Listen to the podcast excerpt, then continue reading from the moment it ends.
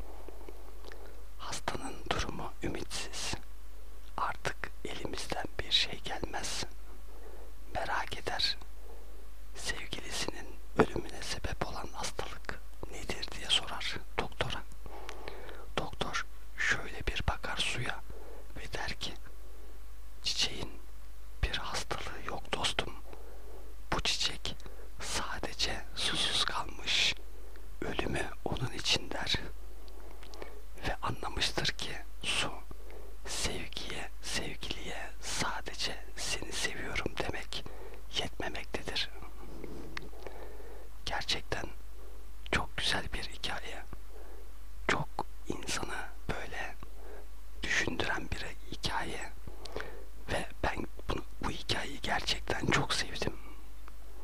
Senin de sevdiğini biliyorum. Sen de bu hikayeyi sevdin. Yani hikayeler